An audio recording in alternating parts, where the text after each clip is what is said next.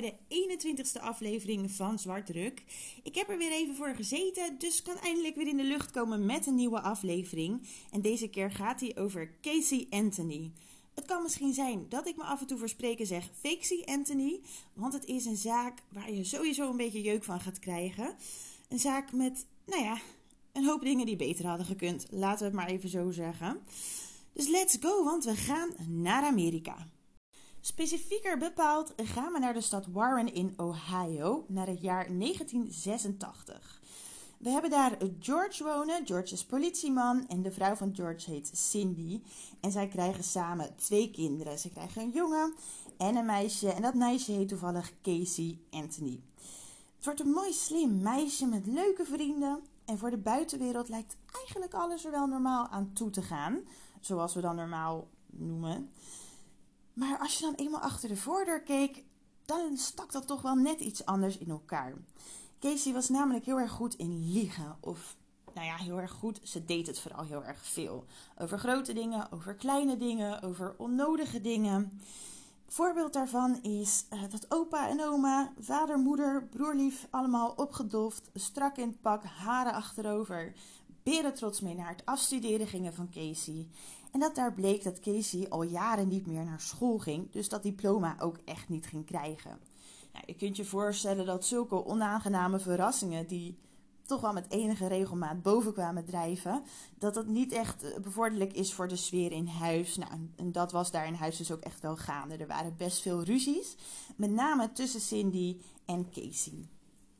Nou ja, kan gebeuren, denken we dan maar. Goed, Casey die wordt 19 jaar. Ze is dan verloofd met Jessie. En op een dag denken haar ouders, joh, ze wordt wel een beetje dikker nu. Dus Casey die wordt gevraagd, ben jij misschien zwanger? En Casey zegt, nee man, ik ben maagd. Het zal die zak chips van vorige week zaterdag wel geweest zijn. Het probleem met zwangerschappen is alleen wel dat je lichaam niet met je meeligt. Want op een gegeven moment krijgen ze gewoon een dikke buik. En er komt een moment dat ze moet vertellen dat ze toch in verwachting is. Ze wist niet zo heel goed wie de vader was. Ze was verloofd met Jessie, maar er passeerden nog een aantal andere namen. Maar goed, dat maakte dat ongeboren kindje natuurlijk helemaal niet uit. Dat gaat allemaal wel gewoon door. En op 9 augustus 2005 wordt dan de kleine Kaylee Anthony geboren. Dus even voor de record. We hebben oma Cindy, we hebben moeder Casey en we hebben kleine dochter Kaylee voor de geboorte van Kaylee was er nog sprake van geweest dat Casey haar wilde laten adopteren. Maar Cindy die heeft daar een stokje voor gestoken. Die zegt, weet je, we gaan, we gaan dit samen doen. Je blijft gewoon bij ons wonen en we komen hier als gezin doorheen. Dus dat gebeurde. Kaylee en Casey die blijven bij opa en oma wonen. Jessie, dus de verloofde, die trad in de tussentijd op als vader. Want die dacht, ja, ik ben haar verloofde, ik weet niet, maar dit zou mijn kind kunnen zijn. En eigenlijk een DNA-test die ze later deden bevestigde al wat hij wist. Want qua timing kon hij nog niet echt de vader zijn van Kaylee. Maar goed, die DNA-test die laat dus zien dat hij niet de vader is. Uh, wie dat dan wel was, geen idee. Maar Jessie die ging het er toch bij laten.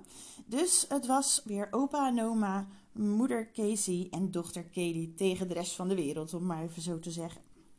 Behalve dat de broer van Casey uit huis was en er een klein mini-mensje bij was gekomen, veranderde er verder niet zo heel veel binnen het gezin.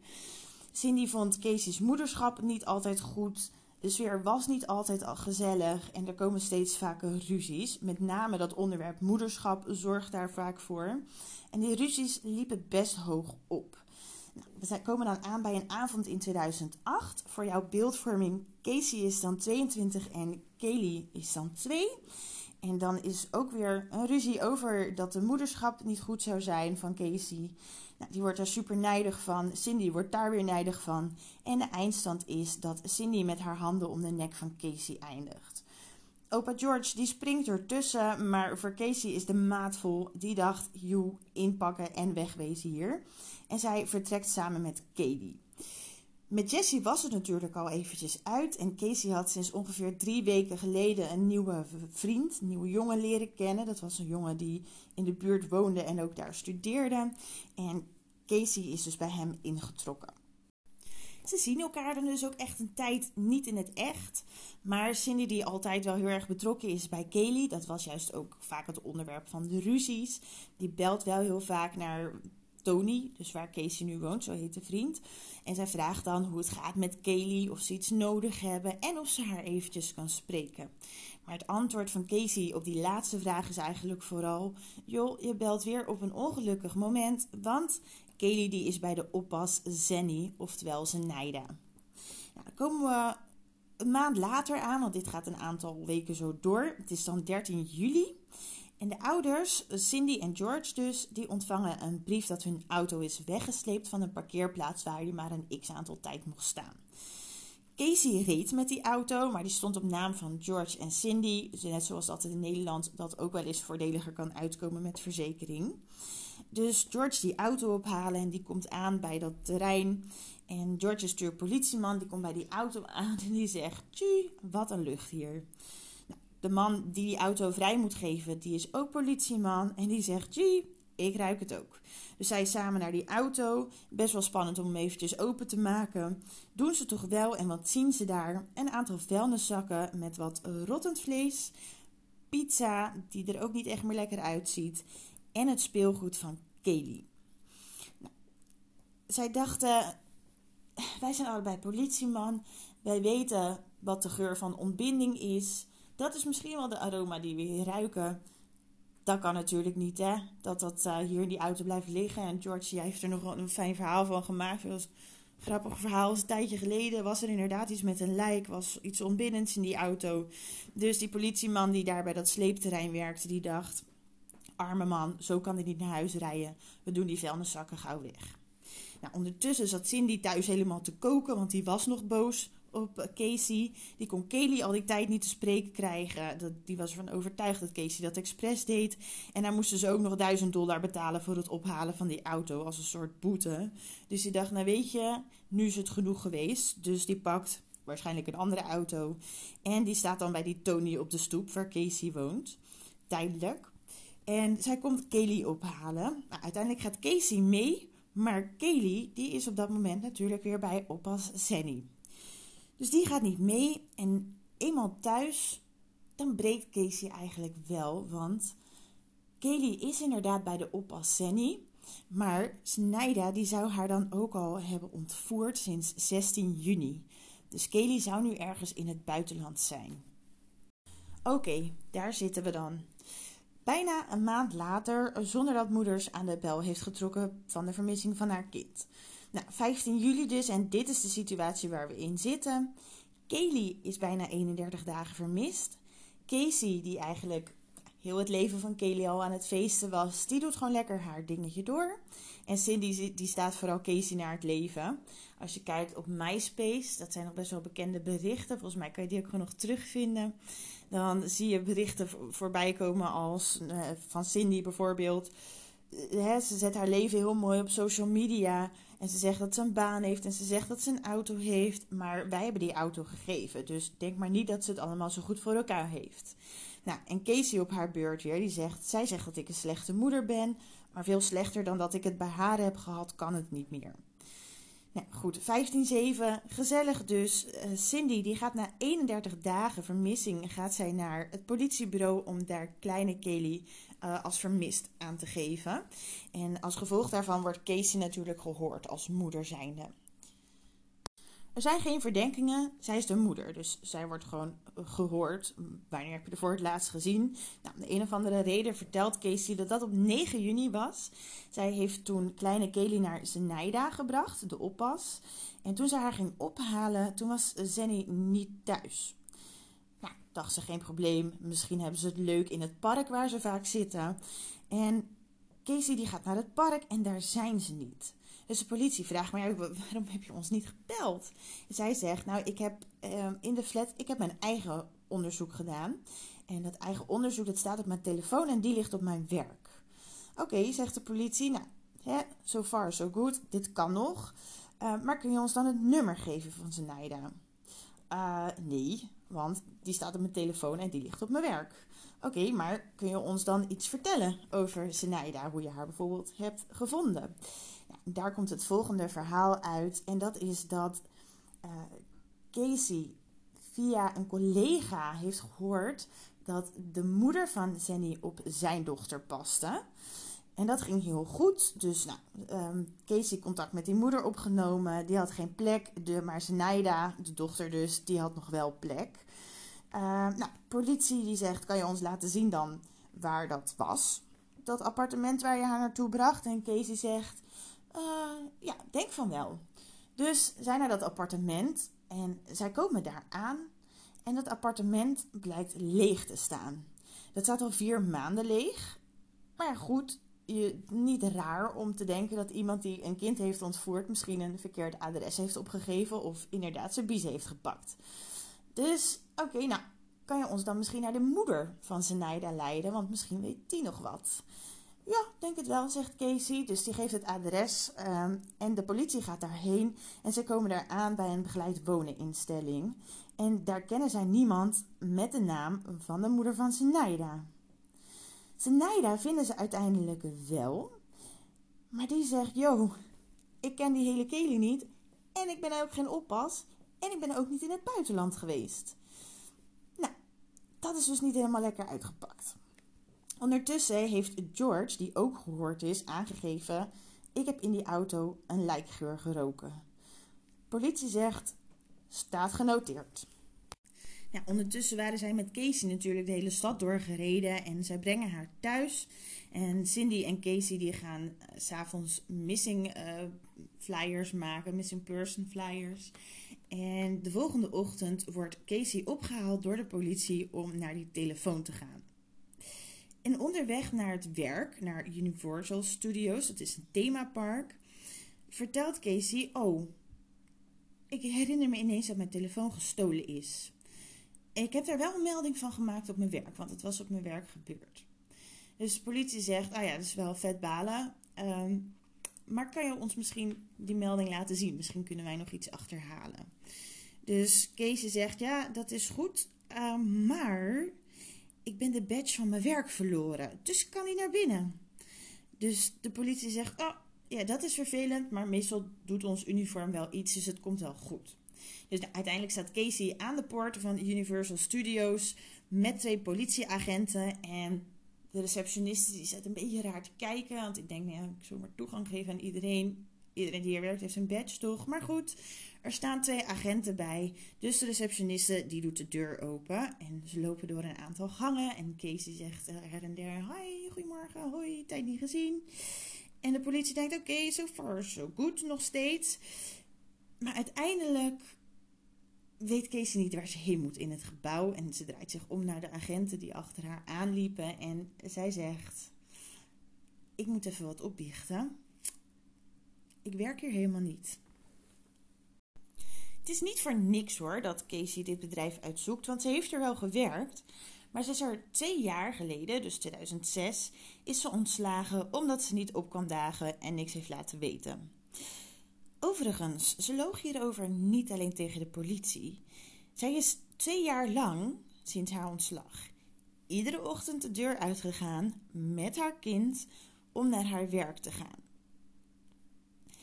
Maar ze ging dus niet naar haar werk. En ze bracht haar baby wel naar de opvang. Nou, weet je, ik haat mijn werker soms ook. Maar twee jaar lang overdag Joost mag weten wat doen. Je zou denken, het is een betere besteding om dan wel te gaan werken. Want er, er is ook gewoon niemand die weet wat ze wel deed overdag. Dus dat is echt een groot raadsel. Wel even een grappig feitje is dat Kelly juist vaak bij opa en oma werd gelaten. Omdat Casey te moe was door de drukte op haar werk. En dan begint er toch bij heel veel mensen wel te dagen dat er hier iets flink mis is. Dus die 16 juli, dat was de dag waarop ze naar het werk gingen van Casey, wat toch niet echt haar werk bleek te zijn. Toen heeft de politie haar gearresteerd op basis van kinderverwaarlozing, het liegen tegen de politie en het verstoren van een strafrechtelijk onderzoek. Je krijgt dan in Amerika een advocaat van de staat. Die kreeg Casey ook. Maar in de gevangenis hoorde zij: als je nou echt stront aan de knikker hebt, dan moet je deze man bellen. En deze man, dat bleek José Baez te zijn. En Casey belt José. En José dacht: ja hoor, ik heb nog plek. Kinderverwaarlozing, dat kan ik fixen. Ik heb wel eens wat lastigers gehad.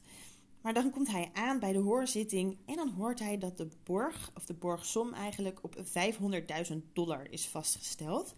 En dat is toch niet heel erg gebruikelijk bij kinderverwaarlozing. Dus hij realiseert zich op dat punt ook wel dat er misschien wat meer aan de hand is. Oké, dus dit is waar we nu staan. Kelly die is op dit punt één maand weg. Opa George, de politieman, die probeert een soort van hints te geven aan de politie, maar doet verder niet zo heel veel. Cindy die gaat met enige regelmaat wel op bezoek bij Casey en ze lijken dan ook een soort geheimtaal te spreken. Dat weten we omdat een van de medegevangenen dat heeft doorgespeeld aan de pers. En dan kun je denken aan, ik voel dat ze heel dichtbij is en dan hebben ze het over bepaalde plekken in de tuin. Heel raar. En we denken dat Cindy dus ook de vrouw is die bij dat afstuderen, wat dus niet afstuderen was, tegen Casey heeft gezegd: laat je afstudeerfeestje maar wel doorgaan, want anders staan we voor gek. Dat is dezelfde Cindy als die de buik van haar dochter enorm zag groeien, maar ook gewoon op verjaardag vol bleef houden. Nee hoor, ze is niet zwanger. Dus het is niet de eerste keer dat zij meegaat in haar leugens en ik kan je vertellen, het zal ook niet de laatste keer zijn. De politie die is ondertussen natuurlijk hartstikke druk bezig met een onderzoek. En zij zien dan ook het feestgedrag van Casey. Ze zien dat zij een aantal dagen na de vermeende verdwijning van Kelly een tatoeage heeft laten zetten. Bella Vita, mooi leven. Vet slechte timing ook. En zij komen ook de computer tegen in Huizen Anthony. En daar vinden zij zoektermen als hoe kan ik iemand laten stikken zonder falen. En ook termen over chloroform. En dan hebben we natuurlijk nog vriend Tony. En Tony, die wist eigenlijk niet eens dat Kelly verdwenen was. De vermissing van een kind wordt vaak wel breed uitgemeten in de media, gelukkig. Maar hier zat natuurlijk ook nog een plot aan, want de rol van moeder leek steeds groter te worden. Dus er ontstonden echt groepen voor Casey en groepen tegen Casey, want er was natuurlijk nog zoveel onduidelijk. Dus aan de ene kant heb je de mensen die zeggen, ja, er is helemaal niks voor te zeggen dat zij het wel heeft gedaan. En aan de andere kant zijn er mensen die zeggen, ja, uh, zij, zij vertelt zelf rare verhalen, dus wij denken dat ze het wel heeft gedaan. Ja, zo was er op 30 augustus een Ray, een premiejager. En die wilde de borg van 500.000 dollar betalen, zodat Casey kon vertellen waar Kelly zou zijn als ze vrij zou komen. Dat was eigenlijk een beetje de deal. En Casey zegt: Ik vind het een goede deal, dus die staat buiten. Maar uiteindelijk vertelt ze precies niks tegen Ray. Dus ze blijft volhouden. Weet je, was top dat je even mijn borgsom hebt betaald van heel veel geld. Maar ik weet niet waar ze is, want ze is in het buitenland met de oppas. Die zomer gaat de telefoon bij de politie en zij worden namelijk opgebeld door een andere ree. Dus niet de ree de premiejager, dit is een ree die even nodig moest plassen. In de auto zat, dus stopt bij een bos. Het was wel echt een bos, dus niet een klein bosje of een boom wat je hier in Nederland vaak ziet. Uh, hij loopt een stukje dat bos in, doet even zijn plas en hij ziet daar een vuilniszak. En die zak die stinkt best wel erg. Dus hij belt de politie, maar daar hadden ze niet echt tijd voor hem. Want ze zeiden, joh, we zijn druk met de vermissing van een kind. Dus wij kunnen nu even niet naar die zak komen kijken. En hij is daar nooit over teruggebeld. Nou, deze ree, ik noem even de plasree, um, die nou ja, blijft in zijn hoofd spelen. Maar er gebeurt op dat moment even niets mee. Diezelfde zomer wordt er ook nog een memorial gehouden voor Kaylee. En dat is natuurlijk best wel vreemd, want ze was nog niet gevonden. En een herdenking van iemand die niet gevonden is, laat staan waarvan je niet weet of ze nog leeft of niet, dat is wel gek.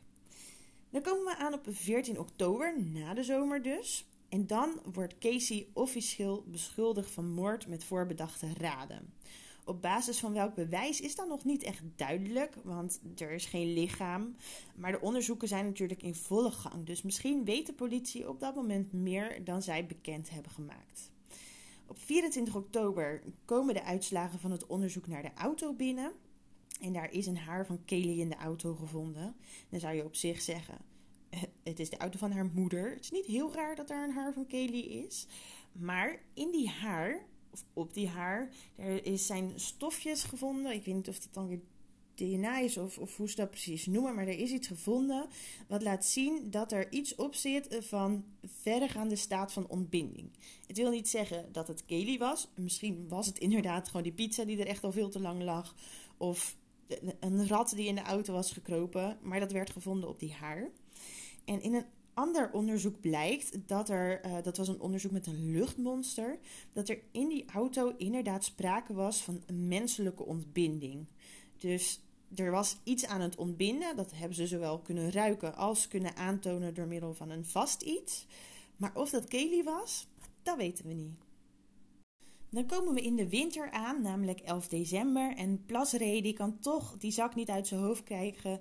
Dus hij gaat terug naar zijn plasboom en hij vindt daar die zak, die ligt daar nog steeds. Hij vindt ook een lange stok, een lange tak. En hij begint met die tak in die tas te porren. En op een gegeven moment heeft hij letterlijk aan die tak, zeg maar door het oog van zijn schedel, een schedeltje hangen. En dat was voor de politie toch wel voldoende reden om toch even een kijkje te komen nemen. De zak die wordt meegenomen en op 20 december blijkt dat daar de overblijfselen van de kleine Kelly in zitten. Niet haar hele lichaam, het zijn echt maar een paar dingen, dus haar schedel en nog wat andere zaken. Dus niet gebroken botten of wat dan ook. Maar er wordt wel gezien dat er tape om haar neus, mond en kaak heen zat. Het was allemaal in verregaande staat van ontbinding. Je kan nagaan, Ray had in de zomer al gebeld en we zitten nu in december. Ehm, dus de verregaande staat van ontbinding die zorgt ervoor dat er niet bekend wordt hoe het meisje precies om het leven is gekomen. Dan passeren we de kerst en oud en nieuw en komen we aan op 23 januari 2009. En dan blijkt dat George, dus opa George, zelfmoord heeft geprobeerd te plegen in een hotel. Hij was al een aantal dagen bezig om afscheid te nemen van mensen, uh, vrienden en familie. Dus die hadden al een beetje het idee dat er iets niet goed zat te gaan. Maar hij heeft dus in die hotelkamer geprobeerd zichzelf van het leven te beroven uh, door medicatie en alcohol te combineren. Hij had ook een zelfmoordbrief achtergelaten. Dat was er een van vijf pagina's. Waarin bleek dat hij niet meer kon. Hij had schuldgevoel en hij wilde naar Kelly toe dat was voor de politie genoeg reden om ook hem in hechtenis te nemen. Want nou ja, hij zou er wel eens wat meer van kunnen weten. Dan nemen we een flinke stap vooruit in de tijd en gaan we naar 24 mei 2011. Dan begint namelijk het proces tegen Casey. De aanklager die mag openen en die verklaart dat Casey een wild is dat gewoon geen kind in haar leven kon gebruiken. Nou, ik weet niet precies wat er in dat verhaal nog meer voorbij kwam, maar het heeft twee uur geduurd. En daarna komt de advocaat van Casey aan het woord, José Baez is dat. Nog steeds.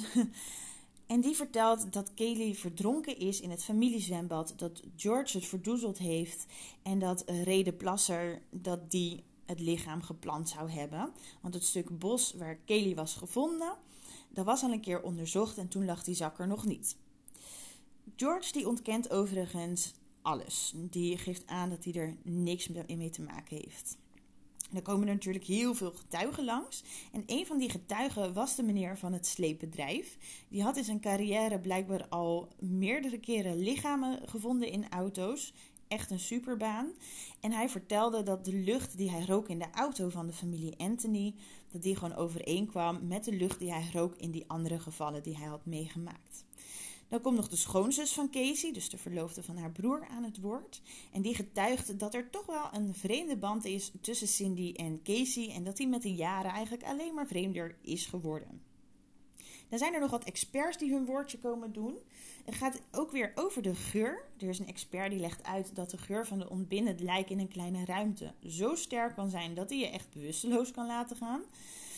Uh, en dat er dus echt wel degelijk te bewijzen was dat er in die auto iets ontbindends, iets menselijk ontbindends aanwezig was geweest. Nou, en de andere expert die ligt nog eens toe dat er zoektermen waren gevonden op de computer over chloroform. En dat was dan gedaan op tijden dat Cindy en George aan het werk waren. En dat zou dan natuurlijk moeten bewijzen dat Casey dat had opgezocht. Die zaak is al twee maanden bezig als Cindy aan het woord komt als getuige. En Cindy verklaart dat de vlek in die auto er al zat toen zij hem acht jaar geleden kochten ik moet dan even niet te lang stilstaan bij het feit dat je dus inderdaad een tweedehands auto kan kopen waar ooit een lijk in heeft gelegen. Maar dat is niet het punt van dit verhaal. Dat, die zat er dus al, dat kon Casey niet gedaan hebben. En George ook niet. En zij verklaart toevallig ook dat de termen op de computer, dat zij degene was die die had ingetypt. Nou, hoe kwam dat nou? Er was een hond, die hond die at een plant en zij dacht dat die plant misschien giftig was. Dus in plaats van chlorofiel, de naam van de plant, heeft zij per ongeluk chloroform ingetypt of per ongeluk aangeklikt met die voorspellende zoekopdrachten. Dus dat was ook niet Casey geweest, al dus Cindy. Op 3 juli komen dan de slotpleidooien. De aanklager mag weer eerst. En die geeft vooral toch nog aan dat stukje vrijheid. Hè, daar gooien zij het op. Casey moest namelijk offeren of geofferd worden. Nou, geofferd worden houdt dan in haar feestleven opgeven, haar vrijheid. En zij heeft er dus voor gekozen om kleine Kelly op te offeren, zodat zij de rest gewoon kon behouden. José Baez die is het daar niet mee eens. Die mag ook een slotpleidooi doen. En hij gooit het vooral op circumstantial evidence. Niks zegt dat kleine Kelly in die auto aan het ontbinden was. Niks bewijst dat Casey haar erin gelegd zou hebben. Er was geen bloed, er is geen duct tape gevonden, er is niet bewezen dat Casey in het bos liep. Dus eigenlijk zegt hij: ja, er is iets vervelends gebeurd, maar nee, Casey heeft hier niks mee te maken. Eens te meer wordt met deze rechtszaak weer duidelijk wat voor toxic relatie er eigenlijk in het gezin uh, zit. George die wil eigenlijk wat zeggen, indirect dan wel direct, maar het lukt niet. Cindy die beschermt haar dochter op alle mogelijke manieren. En dan heb je Casey zonder strafblad, wat natuurlijk wel lekker uitkomt in deze zaak. En met name Cindy en Casey hebben gewoon echt een haat-liefde verhouding. Waardoor ondertussen wel elkaar echt indekken. Al is het alleen maar als je denkt aan het afstudeerfeestje bijvoorbeeld. Nou, die zaak heeft zes weken geduurd. Er zijn 400 bewijsstukken geweest. En de jury heeft 10 uur en 40 minuten nodig om tot een schuld of onschuld te komen. En zij bepalen dat Casey onschuldig is. Dus Casey krijgt wel straf. Zij krijgt 4000 dollar boete omdat zij heeft gelogen. Zij krijgt vier jaar gevangenisstraf voor datzelfde feit. Maar zij heeft al drie jaar gezeten en de rest die wordt nou ja, onder time served kwijtgescholden op basis van goed gedrag. Nou, daar zit je dan. In Amerika doen ze een double jeopardy. Dus dat betekent dat Casey is nu vrijgesproken op de moord voor Kaylee. En zij kan er ook nooit opnieuw voor beschuldigd worden. Dus er is op dit punt nog steeds helemaal nooit iemand veroordeeld voor de dood van kleine Kaylee. Op 17 juli 2011 wordt Casey dan ook vrijgelaten. Ze is nog niet helemaal klaar met alle zaken, want ze wordt nog een aantal keer wel aangeklaagd.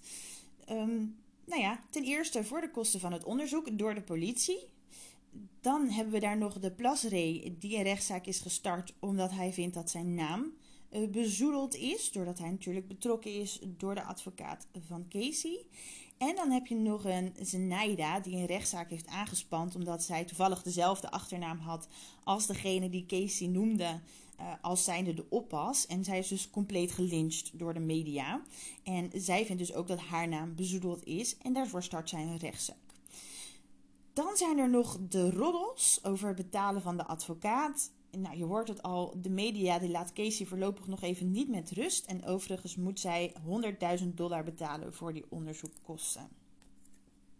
Casey die heeft zo goed en wel als het ging haar leven weer geprobeerd op te pakken. Uh, zij is een tijdje, uh, heeft een tijdje daarna een fotografiebedrijf opgestart. Maar zij kreeg meer mails over vragen rondom de rechtszaak dan opdrachten. Dus dat is alweer snel uit de lucht gehaald.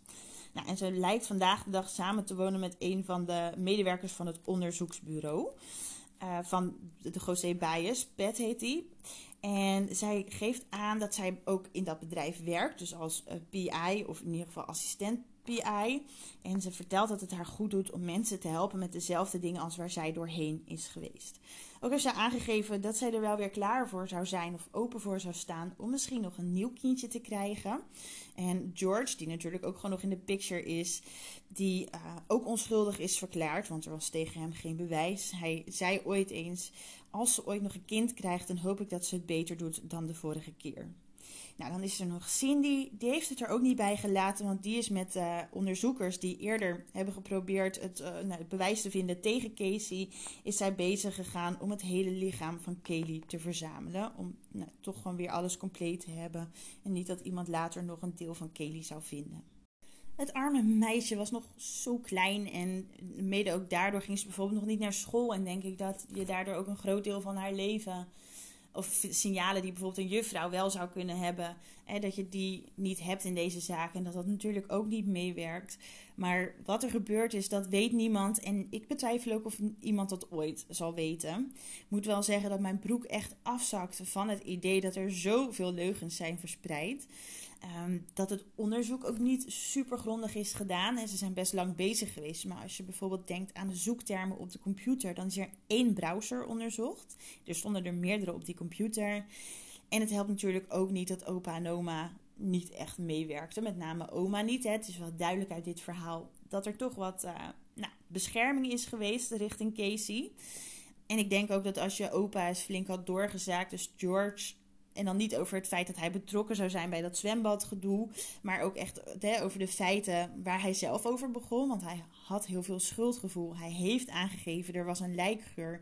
Ik denk dat als je hem daarop had doorgezaagd, dat er misschien nog wel andere resultaten uitgekomen waren. Maar kijk, ik ben geen agent. En ik ben wel fan van onschuldig tot het tegendeel bewezen is. Maar het is frustrerend dat er eigenlijk zoveel dingen zoveel info en dat het misschien soms gewoon op een verkeerde manier is geïnterpreteerd. En dat je daardoor misschien wel belangrijke zaken hebt gemist. Nou, een feit is um, dat dit onderzoek tot een einde is gekomen. Dat er nooit iemand bestraft is voor de moord op Kelly. Dat Casey haar vrijheid heeft en dat het kleine meisje geen gerechtigheid heeft gekregen. En ja, jongens, uh, mooier dan dit kan ik het ook niet maken. Het was natuurlijk al een vervelend verhaal, maar er is niet nog een artikel waarin staat dat er toch nog iemand beschuldigd is of toch nog een hint is gevonden. Het is er niet. En dan zou het er wel zijn, dan kan Casey er in ieder geval niet meer voor veroordeeld worden.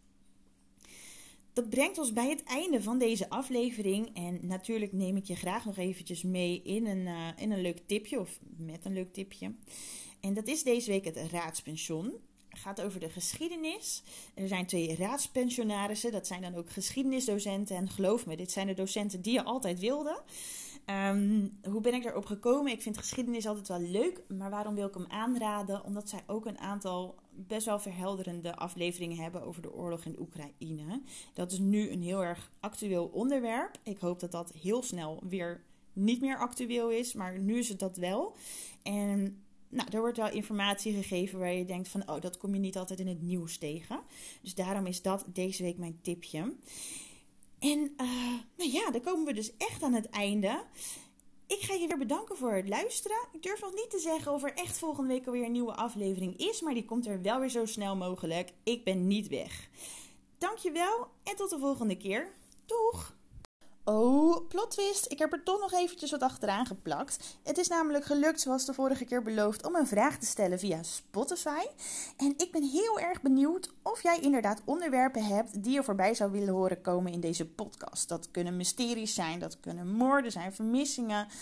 Alles wat onder de noemer True Crime valt, of voor de helft, dat mag ook, dat mag je sturen.